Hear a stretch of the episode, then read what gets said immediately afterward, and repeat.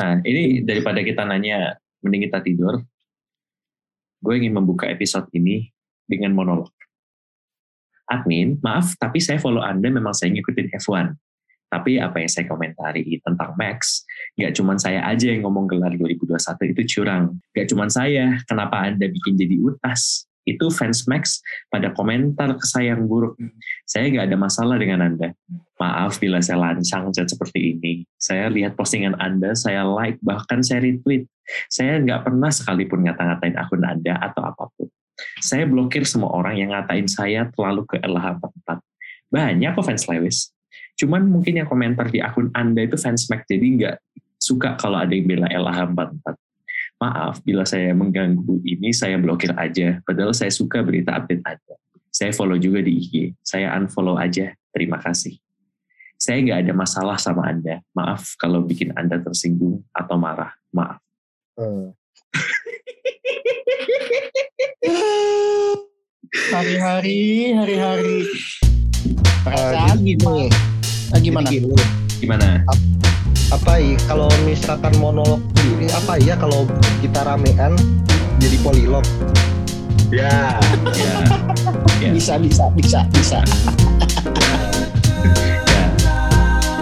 kalau misalkan monolog tapi jadi ekstremis gitu apakah jadi Madilo?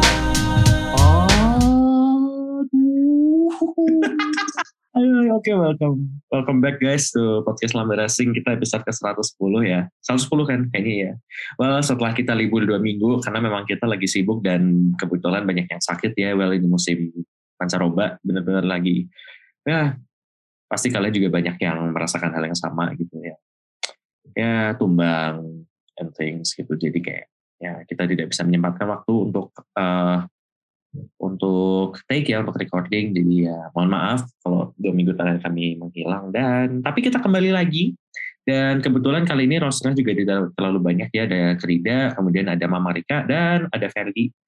Minwibu yang kembali datang. Setelah kemarin kena palak ya? Ya,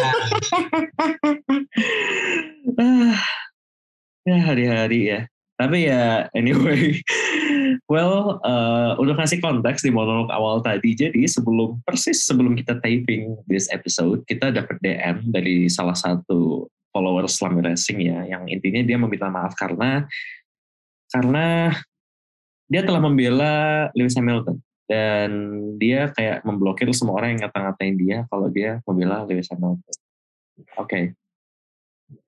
fine. Ya mungkin mungkin konten Lambe Racing memang bukan untuk dia. So ya udahlah ya.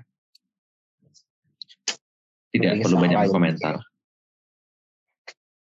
Cuman react doang gak ada yang salah. Yeah. Kalau yang salah cuman opini doang. Udah. Betul. Ya opini ini memang opini sama sih. Berat sebelah. Berat sebelah. Jadi ya wajar kalau misalkan kita banter. ya, kita nggak bully, kita banter aja. Iya sebenarnya simple sih. Mau banter pe gimana, intinya ya welcome to Twitter. Ya, jadi bagi Anda yang biasanya berkecimpung di Instagram dan bisa getting away with bad takes and bad comments, well, welcome to Twitter di mana komentar-komentar jelek kalian akan kami kata-katain. Easier. Anda komentar jelek, kita bercandain. Yes. Opini lo jelek, Mbak. Gue kasih tau lo itu aja. Tapi ya udahlah ya. Kalau misalkan itu ya udah, you do you, we do we. Itu aja deh. Seperti yeah. katanya Alexander Ruby ya, you do you. Do what you want, do, do what make, do what makes you happy. Well, yeah. tanpa perlu lama-lama kita bahas orang yang uh, dodok DM kita ya, at least walaupun kita awalnya mintanya didodok sama fansnya DR3 yang datang malah LH44. ya udah lah ya. Salah target, salah target. Tapi salah, ya gimana ya? Salah target, salah kode. Padahal kemarin kita udah ngajak, itu kita udah mengundang bagi fans DR3 yang nggak terima setelah kita katakan apa setelah kita bilang kalau whatsoever and things gitu DM kita terbuka itu sudah mengundang tapi ya ya datang yang empat so ya udah persuasif undangan persuasif persuasif salah target but okay well selain kita akan membahas Brazil GP Brazil GP yang empat diduga akan batal dua minggu lalu karena ada rusuh di Brazil di mana hasil pemilunya tidak memuaskan bagi petahana Jair Bolsonaro dan ternyata uh, pendukungnya pada protes memblokir ratusan jalanan di seluruh negara. Well, ternyata balapannya berjalan dengan baik-baik saja, tidak ada masalah yang mengganggu logistik dan keamanan. Nggak kayak kemarin di Jeddah ya, di mana ada rudal yang nembak kilang minyak yang jaraknya hanya beberapa kilometer dari sirkuit. di saat 20. Iya, 20 km dari itu di saat apa ya? Free practice kalau nggak salah. Iya di saat free practice. Gue lupa di free. Ya dekat-dekat itulah. Iya itu. Well, uh, selain itu terlihat kemarin ada balapan juga di sirkuit Mandalika di mana World Superbike kembali lagi setelah apa ya? Setelah tahun lalu datang untuk pertama kalinya. Well, tahun ini dia datang lagi dan di mana balapannya ini agak gimana ya? Turu. Gua rasa hype-nya kayak kecil banget gak sih? Beside emang balapan yang turu ya hype juga gak kerasa jujur aja sih. Emang ada balapan di Mandalika? Serius? Ada, balapan. Ada. Cuman gimana ya? Em, memang hype-nya nggak sebegitu besar tahun lalu gitu. Tahun lalu aja kita eh, bisa menemukan safety car lagi dicuci di tempat cuci mobil kampung. Dan itu jadi viral banget bahkan di repost sama Ridwan Hanif di feeds Instagramnya sendiri. Ingat banget tuh lagi jalan lagi di Gias, gue lagi di Gias tuh saat itu ngelihat anjing Ridwan Hanif take you in a pose, what the hell gitu, masuk ke handphone, wow. Terus ya tahun lalu tuh hype-nya tuh banyak banget. Ini sih apa namanya? Rider rider mencoba lokal sih sebenarnya. Iya, itu ramenya awal-awalnya itu kan. Betul. Dan kenapa Konten lokal banyak. Konten Tapi- lokal tuh banyak banget. Ya, tapi kenapa kayak tahun ini nggak ke expose ya? Nah, itu dia yang gue bingung. Entah gak ke expose apa gimana. Mungkin kalau misalkan gak ke expose karena dari kegiatan dari tim. Satu-satunya alasan yang masuk akal ya karena ini bukan balapan terakhir. Jadi masih ada satu balapan tersis- tersisa yang bikin lo at least harus fokus buat balapan selanjutnya. Kalau misalkan lo dalam pertarungan untuk memperebutkan gelar. Iya sih. Ah, toh gelarnya juga sudah diberikan. Uh, congratulations untuk Alvaro Bautista ya. Ya akhirnya setelah tertunda tiga tahun gara-gara dikerjain sama sebuah aturan yang bernama RPM, Hmm. akhirnya bisa beneran angkat piala di tahun ini. Walaupun Iya. sebenarnya ya gak beda jauh sih sama Ducati di MotoGP, juaranya masih banyak yang nyinyir tapi kita gak bisa ngebantah fakta di lapangan kalau emang Ducati ini dengan kombinasi bersama Bautista tuh udah perfect banget di Superbike udah Yes. unbeatable. Well, dan hari-hari di mana pabrikan Italia melengkuh gelar. Kecuali satu yang tidak perlu disebutkan lagi siapa. Tapi untungnya di ajang sebelah masih tuh dapet tuh GT Iya, Pro. Ya, makanya, makanya kan hari-hari, Iya kan? hari-hari, hari-hari Hari-hari. semua pabrik, semua pabrik, semua tim balap dari Italia itu merengkuh gelar gitu loh. Day day. Kecuali satu. Tapi kan di GT Pro juga harap maklum soalnya kan lawan-lawannya kayak gitu semua. Iya Porsche? sih. Ya kalau dibandingin sama Ferrari sekarang lebih Ah. proper buat kompetitif mana? Ah, tapi ya, ya gitu ya. Eh itu for later aja. Ya gimana kemarin highlight balapnya nggak banyak ya Di mana? di Di- Mandalika dong. Aduh gak terlalu banyak sih sebenarnya. Mungkin kalau misalkan kayak di super sport sih Domi Gator seperti biasa mendominasi walaupun nggak menang tapi udah cukup mendominasi lalu juga Niki Tuli bisa kayak biasa dia di Mandalika tiba-tiba jago dan di race pertama menang walaupun sayangnya di race kedua ya dia malah gak bisa menangkan balapan dan membuat terpaksa red flag juga di race kedua dan kalau di Superbike sih gak ada sih yang begitu spesial sebenarnya di race kemarin kecuali Toprak yang bisa menang dan setelah balapan Toprak makan ketoprak. itu sebenarnya ya kata gue itu adalah the whole highlight of the weekend gitu. Seorang toprak Razgat Geoglu akhirnya memakan ketoprak. Wow. Sama ini sih apa namanya yang ada highlightnya tuh dua tahun Mandalika ngegelar Superbike dua-duanya bisa dibilang pen- penentu gelar sih. Ya, yes. dua tahun terakhir gelar semua ditentukan di Mandalika. Iya. Sama- Walaupun sebenarnya agak sangat disayangkan juga sih pas penentuan gelarnya agak lempeng. Iya sih. But yeah, still. Ternyata Mandalika has its own charm ya. Ada ciri khasnya tersendiri ternyata. Selain akomodasi yang apa sulit tadi? dan akses yang susah. Kenapa Kit? Kenapa gitu? Tadi sama apa lo yang pengen ngomong? Ini apa namanya? eh, tapi kayaknya eh, untuk decider back to back ini nggak bakal lanjut ke tahun berikutnya soalnya kan kemarin kan dimajuin kan ke apa Udah, namanya udah. setelah Phillip Island kan ya Iya udah soalnya kan kalendernya kan ya Iya kalendernya lebih ke kayak ditukar slot sih sama MotoGP. Soalnya kan berhubung sama logistik juga. oh iya jadi logistik yang di eh, MotoGP yang di belakang Superbike dimajuin ya Iya karena logistik soalnya Superbike kan biasanya dimulainya di Phillip Island. Sedangkan untuk MotoGP kan Phillip Island di bagian akhir. Jadi biar logistik lebih enak akhirnya jadi tuker lah. Mending sekalian di awal aja Mandalika di Superbike terus yang di akhir biar biar sekalian MotoGP biar sekalian lanjut ke Phillip Island. iya Phillip Island terus ke Sepang dulu nggak nggak ya apa langsung Iya. Valencia tahun depan Agak Phillip Phillip Island, Island. Mandalika, Sepang baru ini ya, baru Valencia. ya? Mandalika Buriram dulu, Buriram baru Sepang. Oh Buriram. Oke oke oke. Ya. Dan udah sih sebenarnya WSBK ada apa lagi sih? Itu doang ya. Lucu juga sih sebenarnya karena tahun lalu kita bisa bikin satu episode yang centered di situ.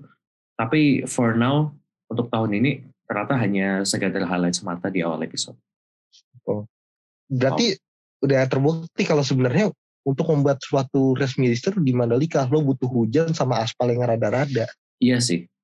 Iya soalnya eh, the whole weekend kemarin gak ada hujan. Gua tahu kenapa. Gua tahu kenapa. G20.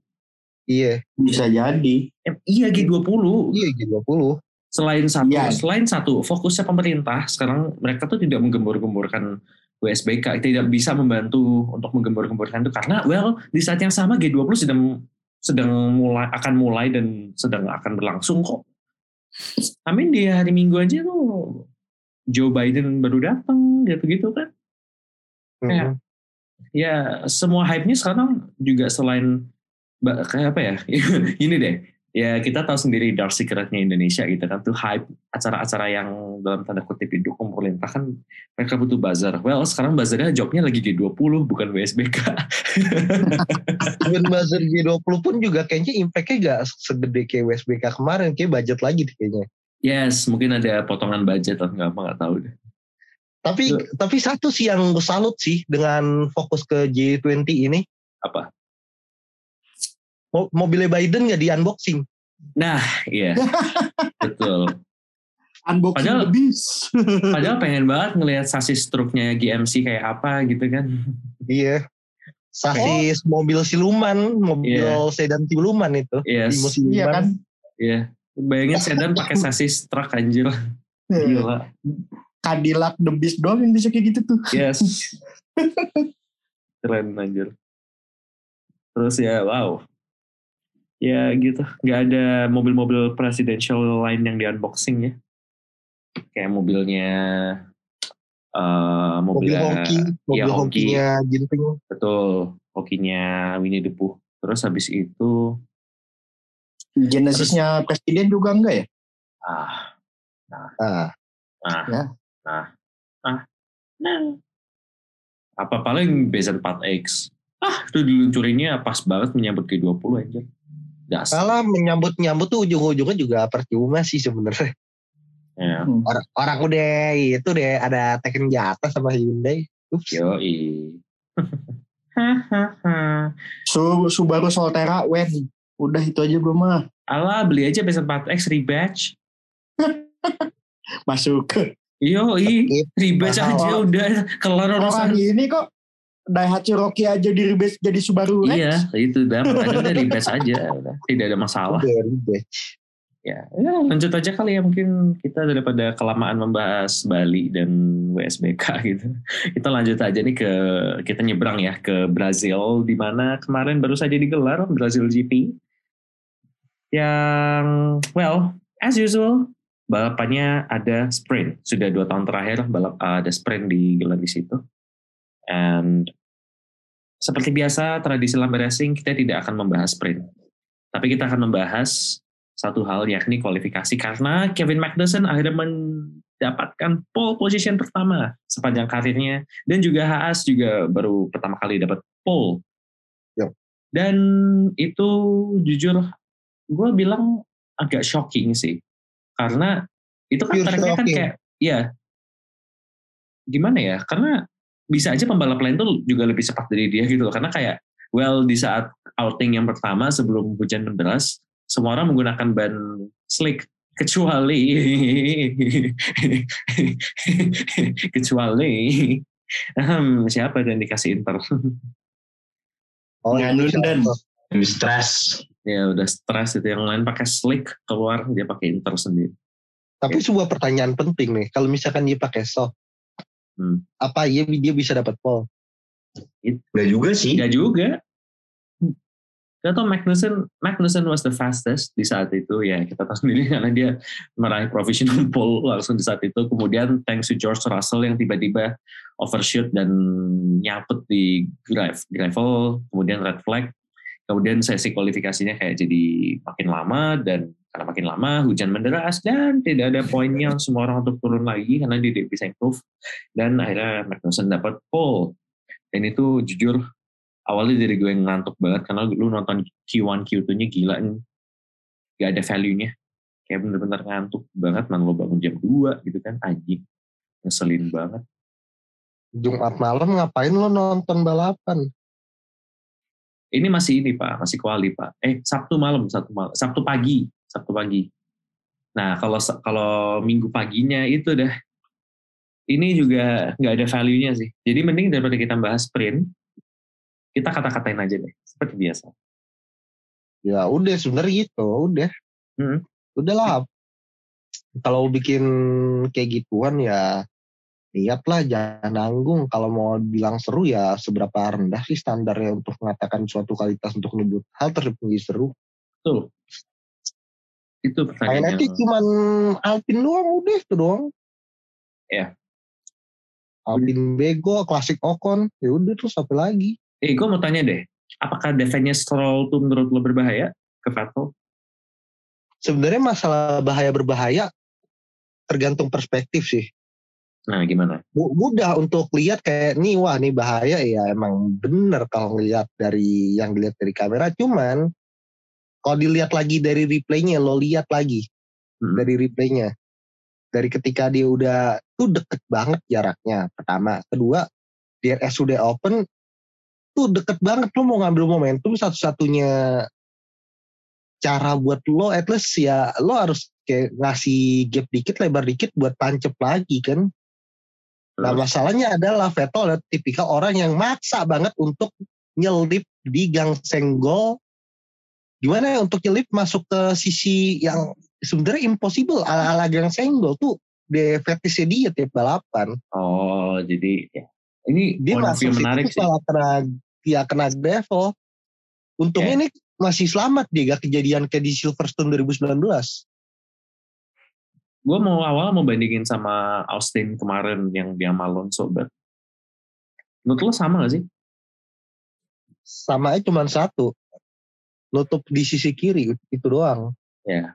bedanya kalau yang di Austin emang pure telat kalau ini setelah telatnya itu cuma masih move defense dan at least kalau misalkan gue jadi Vettel masih ada space kok di sisi Untuk luar lo Bukan swerving ke kanan gitu ya? Iya masih masih ada waktu sebenarnya kalau misalkan emang dia beneran world class ya masih ada waktu kok Beneran world class anjing. jujur Ya world class sih world class, cuman udah udah tercuci kan beda. iya ya gimana ya seorang Sebastian Vettel di, di luar Red Bull adalah bukan seorang Sebastian Vettel yang kita tahu Ya, Iya. masalahnya itu ya itulah ya. Well, jadi ya, tapi is- toh ujung-ujungnya juga Stroll dikasih penalti gara-gara Ya. reckless move-nya itu. ya emang dangerous sih karena ya itu cuman karena ya udah telat nutup malah ditutup ke dalam Hmm. sebenarnya gak akan kena penalti kalau misalkan Vettelnya gak sampai nyasar ke samping gak nyampe nyasar nginjek rumput Hmm. I see. Ya begitulah ya. Jadi ya daripada kita berlama-lama membahas sprint yang memang tidak ada yang perlu dibahas. As usual kayak kalau pengen tahu opininya Lambe Racing tentang sprint bisa mendengarkan semua episode yang ada sprint race-nya. Itu kita selalu menuangkan apa pendapat pendapat kita semua tentang sprint. Jadi tanpa perlu berlama-lama kita lompat aja langsung ke balapannya yang beneran di hari Minggu di mana ah, sayang banget ya kayak oh apa kayak urutannya harus dari sprint gitu. Padahal pengen banget lihat Magnussen start di depan untuk balapan beneran. Tapi ya udah. Ya begitulah korban korban sistem aneh-aneh. Yes. Ya dan kemudian balapan dimulai dan langsung ada drama tanpa perlu berlama-lama karena calon driver of the day. ya semua orang udah planning, mari kita voting Magnussen for driver of the day. Tiba-tiba disenggol sama seorang siapa Calon lagi kalau bukan calon pengangguran Daniel Ricciardo. Wow. Dan semua orang kesal guys. Beneran akhirnya akhirnya akhirnya setelah men- setelah melewati masa denial yang berkepanjangan, akhirnya mereka sadar bahwa tidak ada yang bisa dibela lagi dari seorang Daniel Ricciardo. Udah apa yang bisa dibela lagi dan gini deh. Lo sadar gak sih dua kejadian terakhir yang melibatkan Daniel Ricciardo Hmm, spotnya sama dan salahannya juga sama? Gimana tuh? sama. Lo lihatnya sama pas sama Yuki kemarin beda yang satu dijungkir balik bo- bocil diangkat Iya. mobilnya yang satu lagi nah orang diputer terus dihajar. Dia pengen dive bomb, cuman gagal. Ya dia kira dia masih punya kemampuan itu. Sebagai dulu kan dibilangnya kan raja dive bomb selama di Red Bull. Well, if you leave Red Bull, you ain't the same driver. makanya aneh juga sih ini, ini kayaknya Daniel Ricciardo kalau misalkan dia ikut lomba cosplay Daniel Ricciardo dia ikut kayaknya dia tetap kalah deh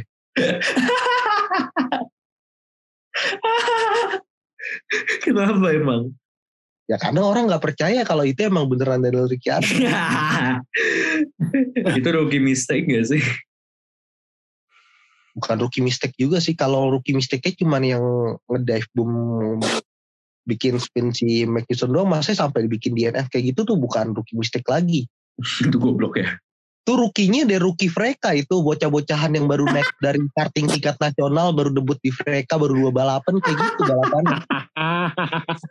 Mereka tuh.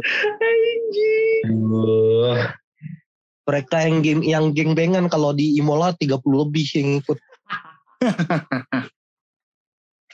Anjir. Aduh, aduh, aduh, aduh. kalau bocil gengbeng emang kacau Aduh. Tapi Iya ya memang eh, akhirnya walaupun kita sudah meminta baik-baik kalau bagi fansnya Daniel Ricciardo untuk DM Lambe Racing sampai detik ini tidak ada DM. Jadi ya ya udahlah ya. Cuman ya memang ya cuman ya memang sudah tidak ada yang bisa dibela lagi dari seorang Daniel Ricciardo.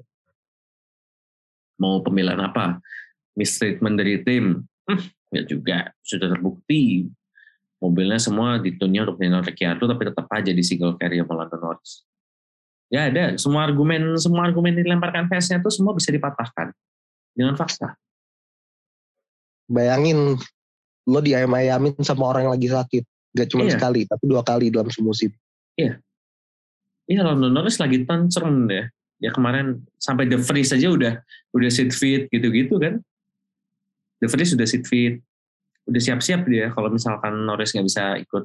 Tapi tahunnya hari Jumat dia masih bisa ikut serta. Jadi ya, Itu kayak disuruh sih sama McLaren diminta. Soalnya kalau misalkan Nick De Vries malah masuk ke McLaren, apa gimana nasibnya dari Ricciardo kalau misalkan dia dikalahin sama Nick De Vries? dikalahin sama super tembak.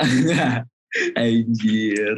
Nah kalau misalkan emang beneran kalah sama supir tembak, udah berarti sebuah meme internal yang kita bikin yang tuh idiot fighting antara Ricciardo ya beneran. Masih lucu aja lagi itu. yeah. The four- three idiot fighting the worst fight I've seen. ya udahlah ya. Daripada kita berlama-lama roasting deh, harusnya sudah banyak kita lakukan. Kita pindah aja ke well, ya keseluruhan balapan di mana setelah safety car, setelah mobil-mobil pada diangkut, restart dan kemudian Lando Norris menyenggol uh, Charles Leclerc sampai sampai dibilang gimana di radionya.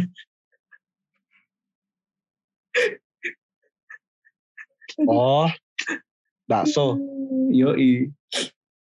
Entah, Entah di, di mana Lando Konto.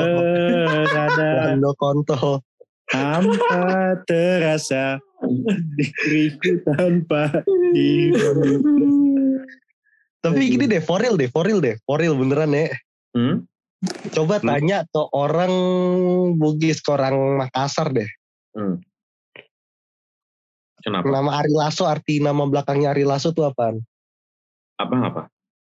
Lasso, tanya deh, artinya apaan Lasso? Ah, Ya. lagi. ya. I, I'd Ya. rather not. I'd rather not. ya, ya, ya. Ya, ya. Gitulah ya. Itu pas Lambe Racing angkat kan kita kan selalu mentranslate ya apa yang ditulis dari bahasa Inggris ke bahasa Indonesia. Ya udah kita kan tulis as is ya. Kita tulis seadanya. Kita tulis sejujur-jujurnya. Rame. Malah. Banget. Rame pakai banget. Semua orang bilang lambemu min lambemu loh. Kenapa lambe kita tuh yang ngomong lek anjir. Kalau faktanya begitu kita hanya membantu translate kok. Iya, kan nggak cuma itu doang yang ditranslate. Kan banyak kita yang tim radio ditranslate-translate juga. Ya baik, Iya. kita selalu mentranslate semua hal gitu. Berita, radio, tim. Ya wajar kalau punya nyalokat kita translate kebetulan ya kontol. Dia kontol gitu ya sudah. Memang, memang dia miso seperti itu. kita kan reporting facts ya. We only speaking facts ya. Jadi, Asik. ya, ya itu salah satu pelaporan fakta yang dilakukan oleh Racing. nah, tapi ya setelah itu balapannya tidur karena mostly cuman adu undercut sama sama beberapa overtake. Udah itu doang. Itu aja. Overtake rate ya. Ya overtake aja. Yang udahlah ya. Ya udah. Karena jujur, lagi? Di tengah PR gue ngantuk sampai gue rebah. Untung gak ketiduran. Gak kayak pas gue nonton Meksiko gue rebah gitu ketiduran aja. emang turu sih. Hmm. Ya, but again, gue jadi gue jadi pengen tanya deh dari seluruh balapan all nighter musim ini ada berapa sih? Kanada, eh, Miami, Miami, Austin, Meksiko, sama Brazil. Yang paling seru yang mana? Aduh. Gak ada. Masalahnya kalau misalkan sebelum apa namanya sebelum sebelum Brazil susah soalnya bentrokmu Ya sih, saya Pak nih mohon maaf nih. ya sih. Ya, Bobo. Kayaknya jujur, jujur gitu gua- aja sih. Iya, jujur gue juga nggak tahu jawabannya. Tapi itu mending kita bahas di season review aja gak sih? Kayak mana Iya, sih iya. balapan all nighter yang menurut lo paling seru dan mungkin kita bisa bahas panjang. Ya, Ya, tetep. well, Tapi ini kalau misalkan diadu balapan paling boring pun kayaknya paling boring tetep sih gue deh punya jawabannya. Apa? Katalunya. ya itu Ya. nanti lah ya. Kita kita musim depan sekalian season review gitu. Ya udahlah. Percuma Katalunya udah gue udah booking voting untuk 10 tahun ke depan. Anjir. Anjir. Selama F1 punya kontrak di Kat- di Katalunya, selama itu juga gue punya voting permanen buat ngevote sebagai balapan paling boring. Ya. Apa pun Ya. itu mau mau yang menang Mazepin finish sam- sambil mundur yang menang balapan juga gue bilang itu boring. Karena emang nyatanya apa sih yang punya something to offer? Terakhir kali seru cuma pas Max menang pertama kali. Bis itu apa? Ya udah. Ya udah udah kita leave that to next week's episode lah ya. Kita tinggalkan itu untuk itu aja. Well, um, tapi memang apalagi mau dibahas ya balapannya. Paling ini akhirnya Mercedes bisa memenangkan balapan musim ini walaupun Ya, bukan syukuran. Hamilton. Tapi another syukuran karena well congratulations kepada George Russell. Dia menjadi torpedo bergerak menang balapan pertama kalinya. Congratulations. Iya. Congratulations. Bisa pecah telur di musim pertamanya sampai sampai Syaknunya sembalap dia sampai ini kan dia ada kan nazar gitu kalau misalkan Russell bisa menang sisa balapan musim ini dia cukur 010 which he did respect Respect Cano. Respect. respect congratulations respect respect a man always keeps his words Uh, dan sepertinya Lewis Hamilton harus mematahkan rekornya yang di mana dia tiap musim selalu menang nih. karena musim ini kelihatannya dia sudah tidak punya kans lagi kecuali di Abu Dhabi yang ya nggak tahu sih jujur cuman tuh nanti aja dulu tapi gimana kalau menurut kalian Kenapa ya? ya ini eh, George Russell menang Mercedes ada bisa menang gitu apakah Apa ya? apakah ada efek karena mobilnya memang too strong this weekend? Apakah memang mobilnya cocok sama sirkuitnya, sama iklimnya Brazil atau gimana? Sebenarnya gini, sebenarnya gini. Karena Max Verstappen udah collision duluan sama Lewis Hamilton, udah. Hmm. Ya sih, kalau dipikir-pikir Lewis Hamilton tuh bisa menang kemarin, cuman mobilnya damage. Iya, karena collision itu udah Max sama Lewis gak ada ya udah. Tapi walaupun Mobilnya mobilnya mobilnya damage gitu, dia masih bisa keeping up pace sama Russell loh sampai belakang. Bahkan jaraknya aja cuma satu detikan. Walaupun nggak sampai masuk ke zona DRS, but still. Apaan dua lap terakhir jadi gondrong banget. Oh ya? Oh ya? Oh, oke gue Iya baru tahu ini. Dari dari satu dua, satu satu, satu dua, satu tiga, tiba-tiba satu enam, satu tujuh, satu Udah delapan. nyerah itu. Iya iya. Berarti. iya. Sudah Udah menyerah udah banyak. satu setengah ke atas. Iya, iya. Udah ngempos itu, Ah, udah nyerah. tenaga dia habis. Ya, ya gitu. Tapi ya, ya sekali Ah. lagi selamat dan ya kel- kelihatannya Lewis harus harus mematahkan rekor itu. Ya udah, ya terima aja, terima nasib, udah. Mm-mm. Ya udah anggap ya udah kayak terima aja this is your worst season in Formula One. Seenggaknya kan apa namanya ngerasain gitu puasa menang satu Hmm. musim mah at least. Mm-mm. Iya. Jangan Realistis aja kita mah. healing lah. Giliran, giliran nggak nggak semua orang harus menerima kemenangan di semua musimnya. Even seorang Ayrton Senna pun juga pernah ngalamin musim gak pernah menang. Mm-mm. Betul. Tuh. Bahkan di mobil OP pun dia pernah gak menang di Williams. Ya beda pak.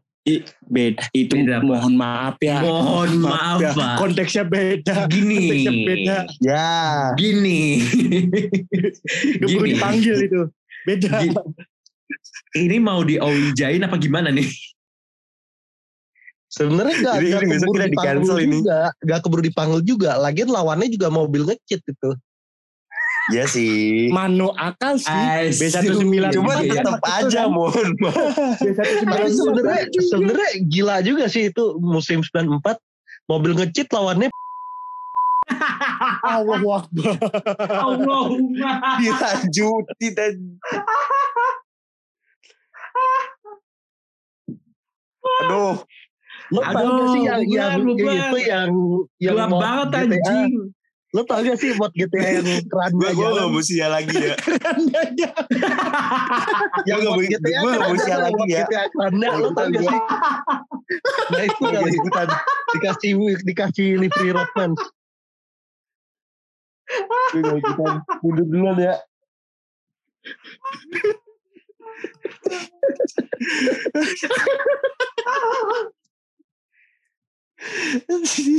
anjing lu keren anjing. Asli.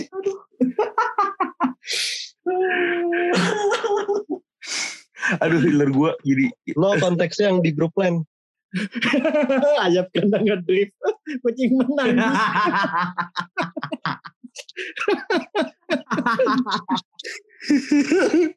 kita udah cukup kita menyenggol pembalap yang masih hidup. Jangan pembalap yang udah meninggal kita senggol juga pak.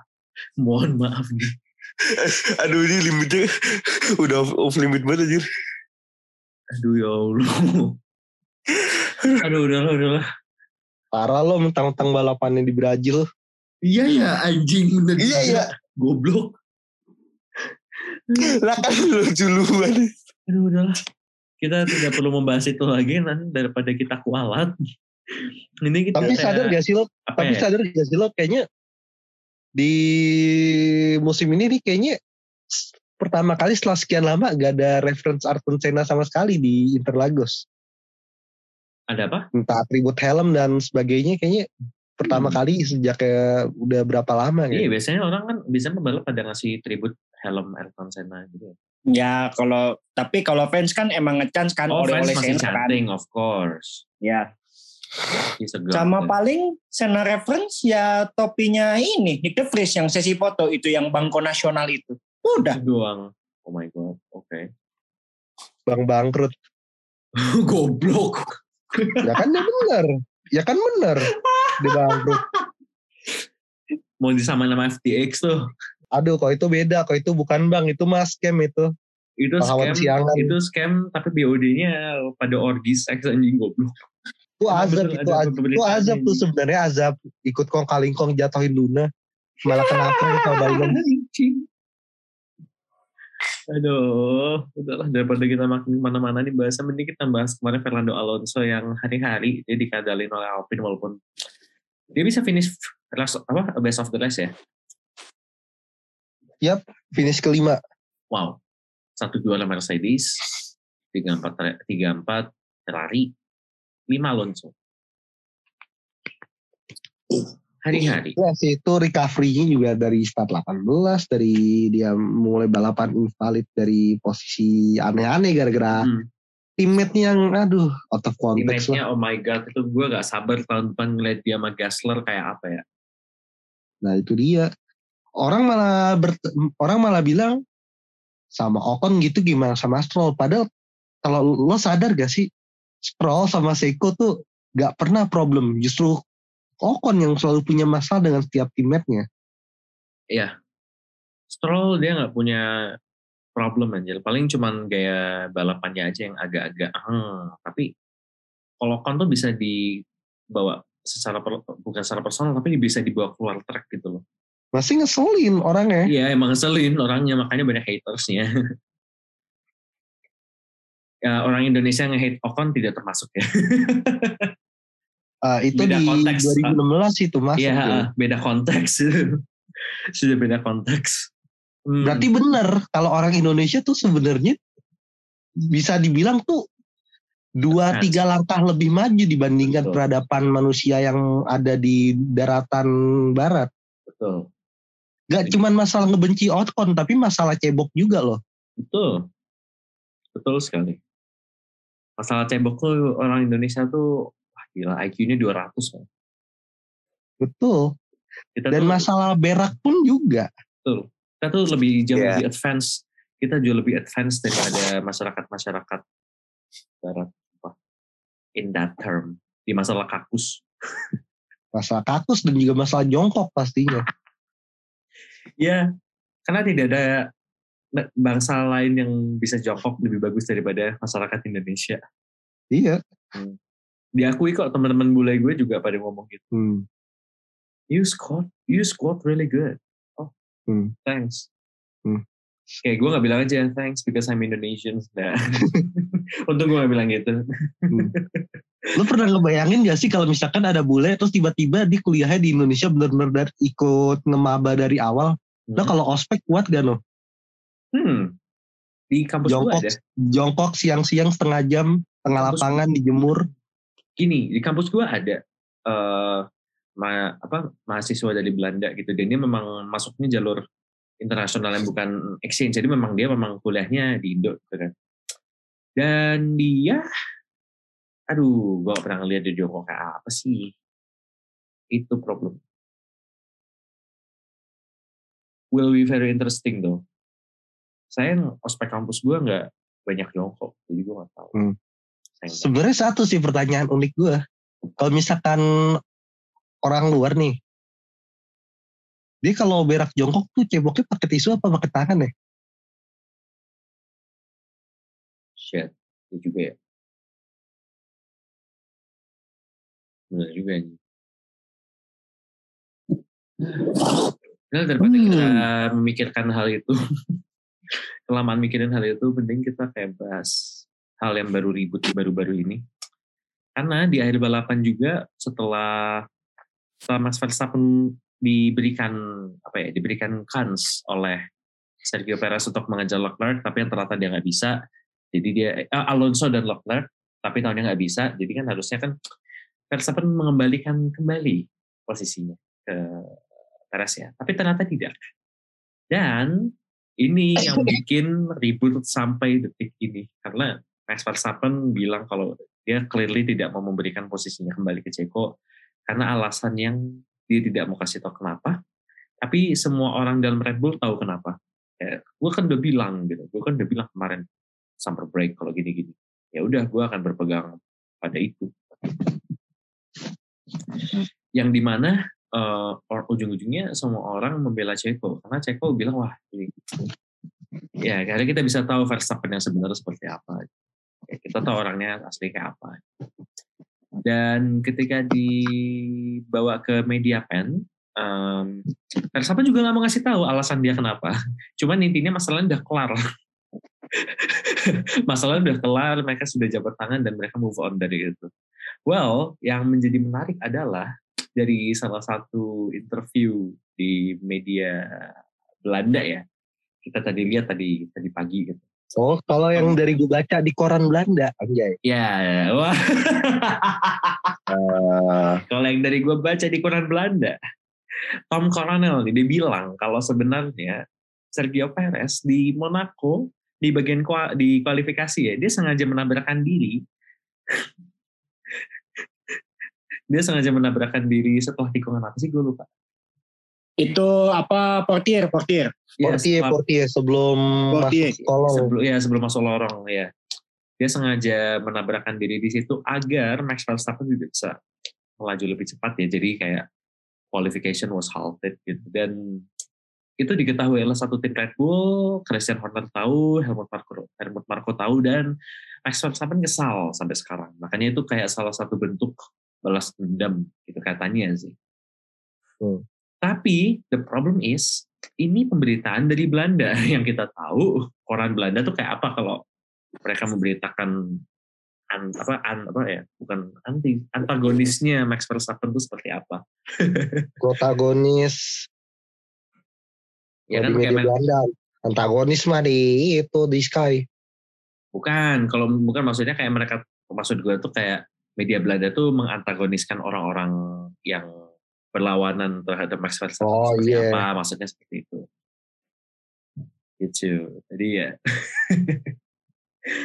jadi ses- sulit juga ini bisa di cross check ini benar atau enggak karena sampai sekarang belum ada berita dari aliran hal yang menaikkan ini Hmm.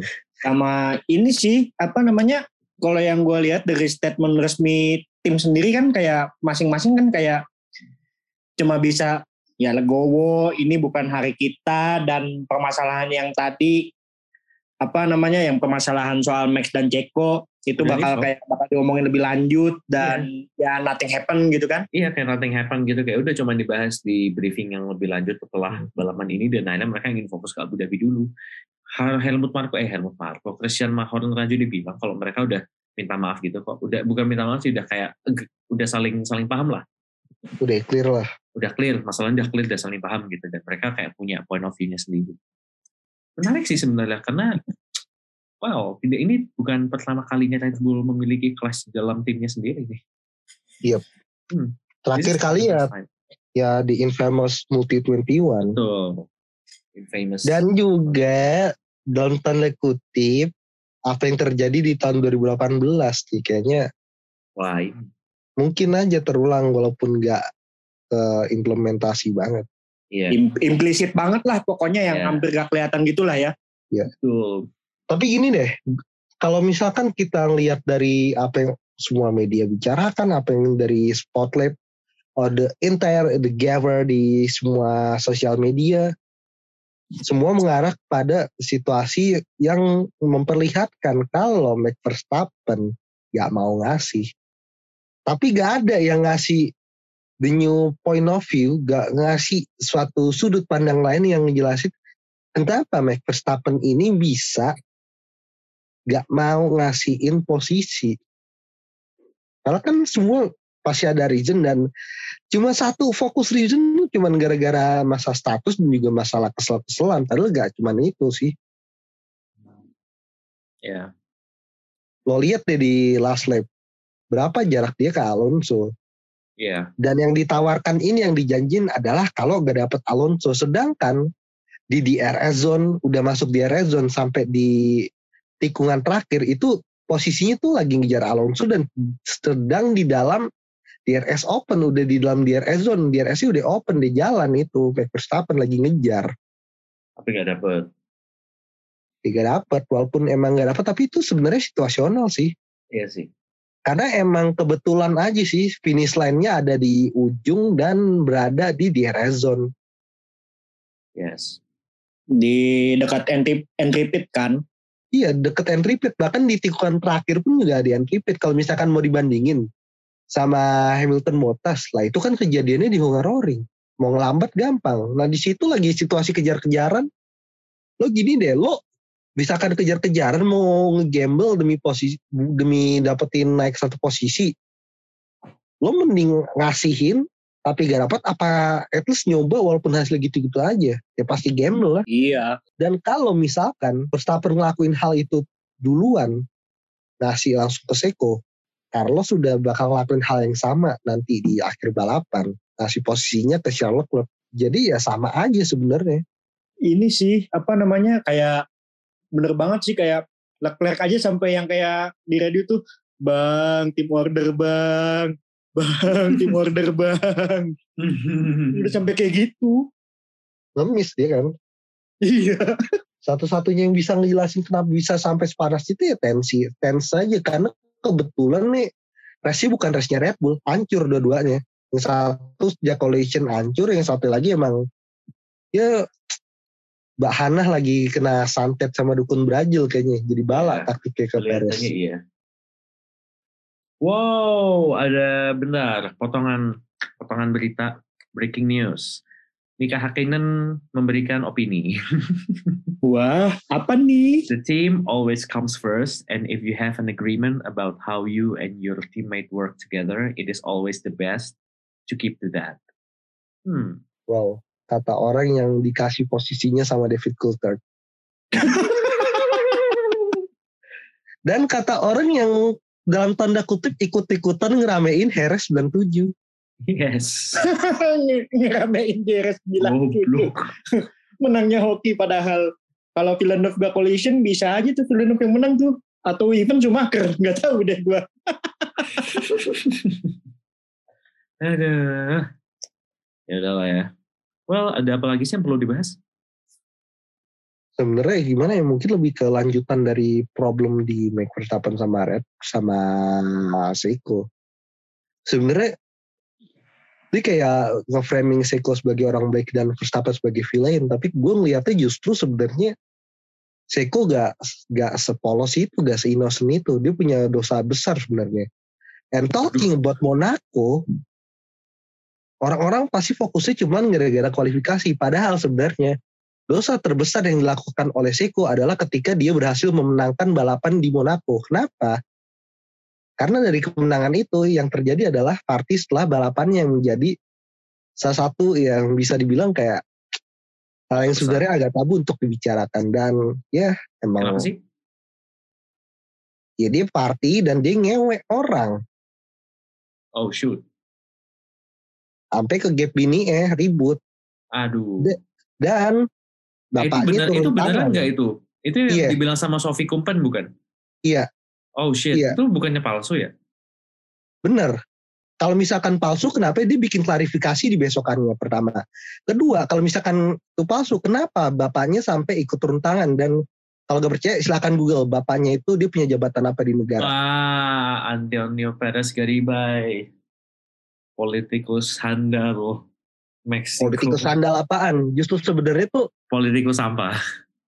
itu bisa dibilang sebagai salah satu orang yang mungkin kalau di sini apa ya tingkatannya kayak itu sih kayak anak yang punya partai sebenarnya itu parah banget.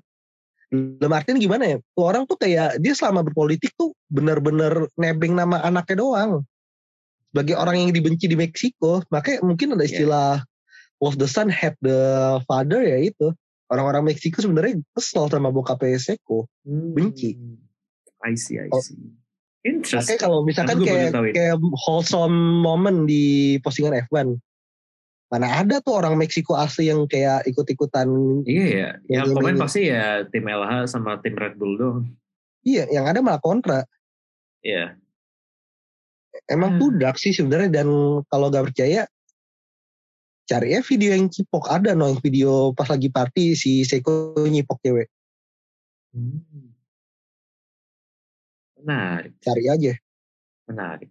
ada Tapi di itu. sebentar, apakah ini menjadi alasan bagi Max Mania untuk mengantagoniskan seorang Ceko? bukan alasan utama sih sebenarnya soalnya kan lu Jadi bumbu ya? out of context tapi sebenarnya lebih ke nunjukin fakta kalau sebenarnya Seiko tuh gak sinosen itu Hmm. Jadi Itu chili aja. oilnya lah ya. lo tau gak sih kenapa pas abis party kan lo masih tipsi kan Bu? orangnya no yang keluar dari yacht dari Ya. kapal Hah? kenapa dijagain dan kenapa yang jagain bukan tim PR doang tapi ada kayak bagian keamanan juga Menarik. Sebuah investigasi, investigasi yang menarik. Itu bisa jadi lah moment of the season ya sih?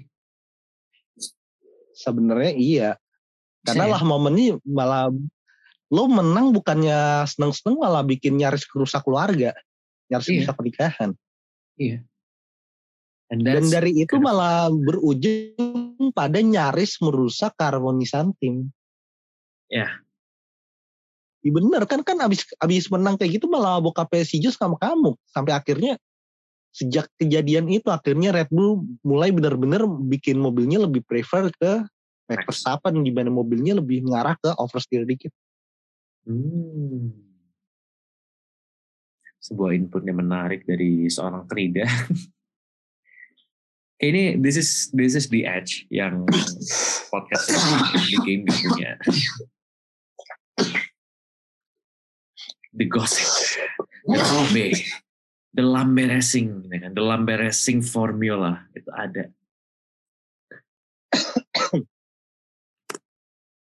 Ya gitulah. Jadi kayaknya nggak ada apa-apa lagi ya dibahas selain kita ingin kayak, well, what happens next di Abu Dhabi? Yang pasti di Abu Dhabi ada farewell tiga pembalap dan pastinya vote Latifi for fuck's sake. Yes. Ampun. Jadi- kalau- Iya. Kalau batuk di dong. Bukan gue, Oh bukan lu. Oke salah. bukan. Orang Terus, gue terus. dari tadi cuma vaping doang. Ya oke. Terus terus. Apa tadi? Sorry tadi lu ngomong apa? Oh ini bukannya apa namanya? Ini gue bingung nih. Ah sebenarnya antara dua sih. Vettel or Latifi. Latifi for the memes atau Vettel, for the Vettel for the good- of for the great goodbye. for the beautiful. Sebenarnya Latifi of- sih karena kalau misalkan for the great goodbye dia udah mendapatkan momennya, udah dapat driver of the day juga kemarin. Bisa. Tapi percuma sih ujung-ujungnya lo mau solid satu forum juga bakal kalah. Iya sih. Karena ormasnya Vettel banyak banget. Iya sih. Yes.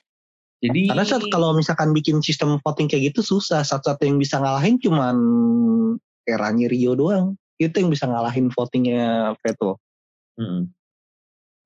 Karena mau nge-voting Ricciardo juga powernya Ricciardo sekarang udah ya susah.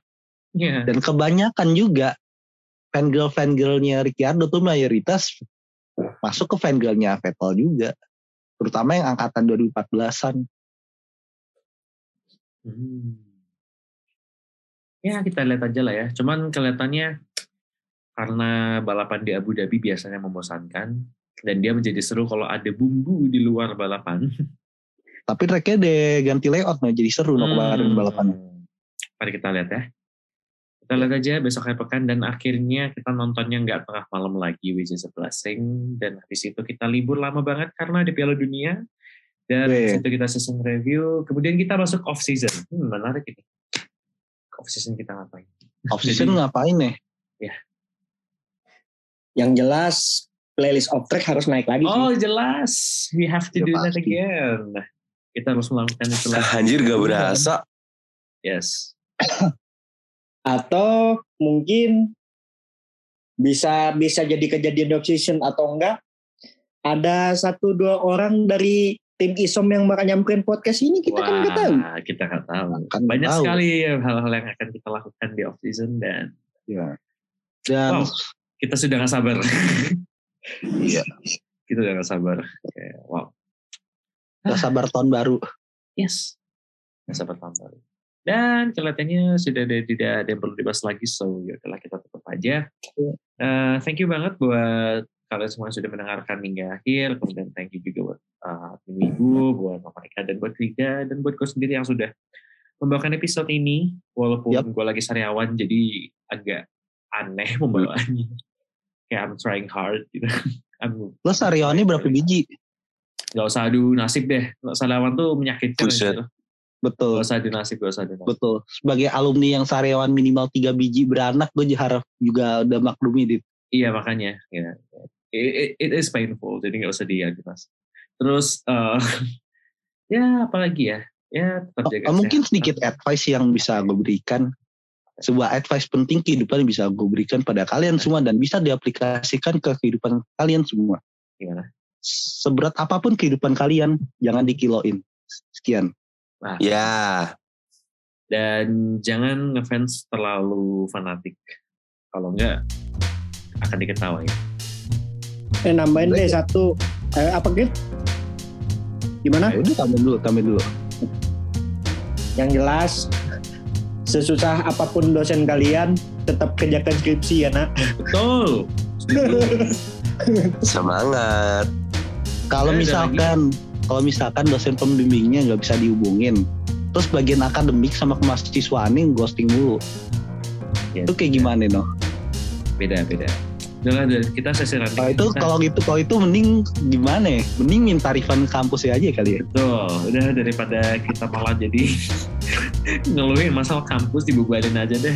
Thank you and see you in the next episode. Ciao. Saya Ya, ya Allah pengen lulus.